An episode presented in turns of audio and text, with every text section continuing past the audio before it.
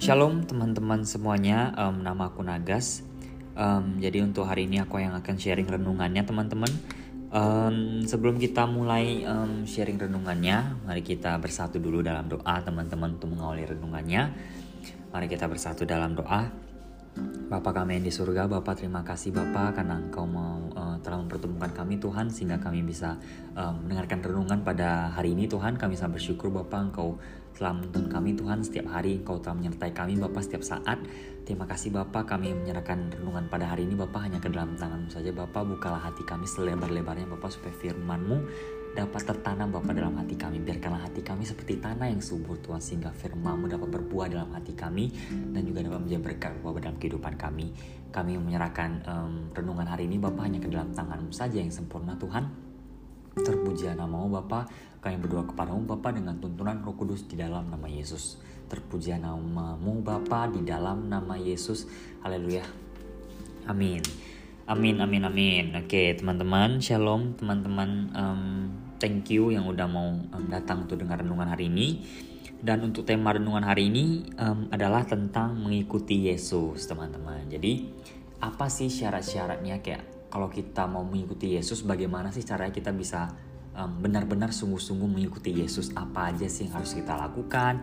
Apa aja sih yang akan kita rasakan? Ayo teman-teman kita sama-sama hari ini renungkan bersama dan untuk ayatnya um, di ayat Lukas 9 Lukas 9 ayat 23 Lukas 9 ayat 23 Lukas 9 ayat 23 Aku bacainnya teman-teman Lukas 9 ayat 23 Katanya kepada mereka semua Setiap orang yang mau mengikuti aku Ia harus menyangkal dirinya Memikul salibnya setiap hari Dan mengikut aku Nah teman-teman di sini ada tiga poin yang bisa kita um, renungkan bersama pada hari ini yaitu menyangkal diri, memikul salib dan juga mengikuti aku. Nah, ayo teman-teman kita sama-sama renungkan satu-satu ya.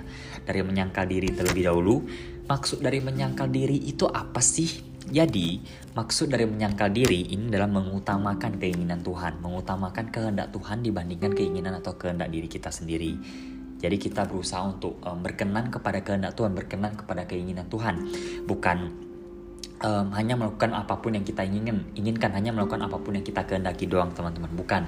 Tapi kita mengutamakan dalam kehidupan kita kehendak Tuhan lah yang terjadi, mengutamakan keinginan Tuhan lah yang terjadi dalam kehidupan kita, bukanlah keinginan atau kehendak kita. Karena kembali lagi teman-teman, kita harus ingat kehendak yang paling baik itu bukanlah kehendak kita ataupun kehendak orang lain, tapi kehendak Tuhanlah yang paling baik buat kita. Kenapa? Karena Dia adalah Tuhan yang udah pernah di masa lalu kita Tuhan yang ada di masa sekarang kita dan juga Tuhan yang udah ada di masa depan kita. Jadi dia akan tahu apa yang paling baik buat kita. Jadi yuk belajar untuk berserah pada kehendak dia karena dialah yang paling mengerti kita daripada kita mengerti diri kita sendiri teman-teman. Masuk ke poin kedua yaitu tentang memikul salib. Jadi maksud dari memikul salib ini apa sih? Ini adalah sebuah hal yang harus kita lakukan teman-teman untuk mengikuti Yesus. Ada sebuah harga yang harus kita bayar apa yang bakal kita terima kalau kita ikut Yesus yaitu memikul salib yaitu menderita teman-teman ikut Yesus nggak mungkin nggak menderita kalau mengikuti Yesus bukanlah berkat terbesar kita dan penderitaan terbesar kita kemungkinan kita nggak benar-benar sungguh-sungguh mengikuti dia kemungkinan kita nggak sungguh-sungguh dalam mengejar dia kemungkinan kita nggak benar-benar sungguh-sungguh dalam uh, mengejar keserupaan seperti Kristus karena kalau kita benar-benar um, ikut Yesus, benar-benar mengejar Yesus, benar-benar mengejar keserupaan dengan Yesus, kita akan menderita. Karena Yesus pun menderita teman-teman. Kalau Tuhan kita aja menderita tapi kita nggak menderita, terus kita anak siapa? Bapak kita pun menderita gitu loh. Masa kita anaknya nggak menderita? Kita bilang kita pengen ikut dia tapi kita nggak menderita. Terus selama ini kita ngapain? Tuhan kita aja sangat menderita. Apalagi firman-firman Tuhan itu bukanlah sebuah hal yang um, aku bilang gampang ya, nggak juga teman-teman. Perlu perjuangan banget untuk bisa mentaati firman Tuhan. Tapi kembali lagi kita harus bisa belajar untuk mengandalkan Tuhan juga teman-teman dalam perjuangan kita itu. That's why um, mengikuti Yesus itu nggak bisa terhindar dari memikul salib. Artinya kita pasti menderita. Nggak mungkin nggak menderita teman-teman jadi itu yang paling penting ya dalam memikul salib itu adalah sebuah hal yang harus kita lakukan. Itu adalah sebuah um, harga, sebuah harga yang harus kita bayar, yaitu untuk menderita. Yang poin terakhir ada mengikuti aku. Jadi maksud dari mengikuti aku ini apa? Maksud dari mengikuti aku ini adalah kita bisa semakin hari bisa semakin serupa dengan Yesus. Semakin hari kita bisa semakin serupa dengan Yesus. That's why penting banget teman-teman apakah kita sudah sungguh-sungguh mengikuti Yesus? Apakah kita sudah sungguh-sungguh mengejar keserupaan Yesus? Karena kalau kita benar-benar mengasihi Tuhan, kita benar kita benar-benar mencintai Tuhan, kita benar-benar sayang sama Tuhan, seharusnya setiap hari kita bisa menjadi lebih serupa lagi dengan Yesus. Kenapa? Karena kembali lagi kalau kita sayang kepada orang itu, kalau kita sayang kepada Yesus, kita bakal pengen tuh menjadi seperti Yesus. Kita bakal pengen menjadi lebih mirip seperti Yesus. Itulah teman-teman, um, jika kita benar-benar um, sungguh-sungguh mengasihi dia. Jadi, ayo kita coba tanyakan ke diri kita masing-masing teman-teman. Apakah kita sudah sungguh-sungguh mengasihi Tuhan? Apakah kita sudah sungguh-sungguh mengikuti Yesus? Apakah kita sudah sungguh-sungguh mengejar keserupaan dengan Yesus? Tapi di dalam tiga poin tadi, jangan sampai lupa untuk tetap mengandalkan Tuhan dalam perjuangan kita. Karena kembali lagi kita manusia sangat terbatas. Kita manusia mempunyai kekurangan. Kita manusia juga mempunyai kelemahan. Tapi di dalam kelemahanlah kuasa Tuhan bisa menjadi sempurna. That's why ayo kita sama-sama belajar untuk tetap mengandalkan Tuhan di tengah badai. Karena iman juga berhubungan dengan itu teman-teman. Iman itu bukan tentang badai pasti berlalu. Gak hanya tentang itu teman-teman, tapi iman itu di tengah badai Tuhan pun beserta kita. Fokus kita di Tuhan bukan di badai. Fokus kita di Tuhan bukan di pergumulan. Karena kembali lagi semuanya tentang Tuhan bukan tentang kita. Kalau kita menderita, mungkin Tuhan lagi mengizinkan pencobaan untuk, untuk kita bisa menjadi lebih serupa lagi dengan dia. That's why um, penting banget untuk belajar mengandalkan Tuhan dalam situasi apa pun penting banget untuk menyertakan Tuhan dalam segala aspek dalam kehidupan kita. Karena dialah yang paling mengerti kita, dialah um, kehendak dialah yang paling baik buat kita. That's why kita harus belajar untuk mau mengandalkan dia, mau menyertakan dia dalam segala hal yang kita lakukan, teman-teman. Dan aku pengen tutup renungan hari ini dengan satu penutupan, yaitu Christian without Christ is Ian. Kalau kita coba pikirkan, Christian without Christ itu sisa huruf I A N. Christian without Christ Ian. Ian itu apa? I am nothing. Kita bukan apa-apa teman-teman tanpa Kristus.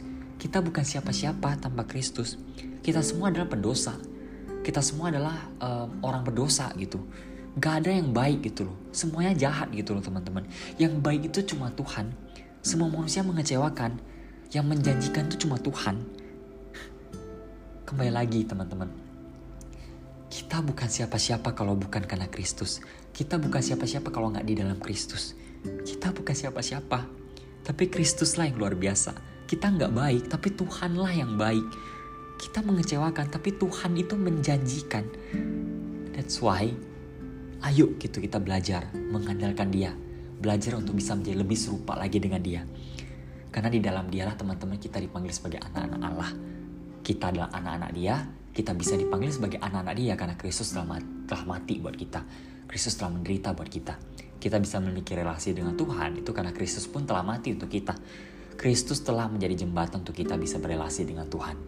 That's why ayo kita belajar mengandalkan Tuhan, menyertakan Tuhan, dan mengejar keserupaan kita dengan Kristus.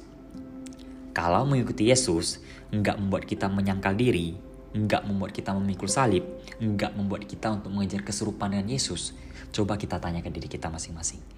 Apakah kita sudah sungguh-sungguh mengikuti Yesus? Oke, untuk renungan hari ini mungkin itu aja teman-teman. Um, mari kita tutup dalam doa karena kita juga udah awali dengan doa. Ayo kita tutup juga dengan doa. Mari kita bersatu dalam doa. Bapak kami bersyukur Bapak atas firman yang telah kami dengar pada hari ini Tuhan kami harap Bapak firman yang telah kami dengar pada hari ini Bapak bisa um, benar-benar kami taati juga Bapak benar-benar kami terapkan dalam kehidupan kami jangan sampai kami hanya tahu banyak tentang Engkau Tuhan tapi nggak benar-benar mengenal Engkau Tuntunlah kami roh kudus, kami ingin merendahkan diri kami dan membiarkan diri kami untuk dituntun hanya dengan engkau saja roh kudus. Biarkan buah-buah rohmu juga dapat berbuah dalam kehidupan kami. Biarkan firmanmu lupa yang jadi penuntun dalam kehidupan kami biarkan firman juga Bapak yang jadi uh, penentu um, kami untuk mengambil tindakan Tuhan. Kami yang menyerahkan hidup kami ke dalam tangan saja Bapak karena hidup kami sudah bukan milik kami lagi, tapi sudah menjadi milik Engkau saja Kristus. Terima kasih Bapak atas pengorbananmu, terima kasih Bapak atas firmanmu yang telah kami um, dengarkan Bapak pada hari ini. Kami bersyukur Bapak kami mengangkat doa kami Bapak hanya ke dalam tanganmu saja yang sempurna. Terpujilah namamu Bapak kami berdoa kepadamu Bapak dengan tuntunan roh kudus di dalam nama Yesus. Terpujilah namamu Bapak dalam nama Yesus. Haleluya. Amin.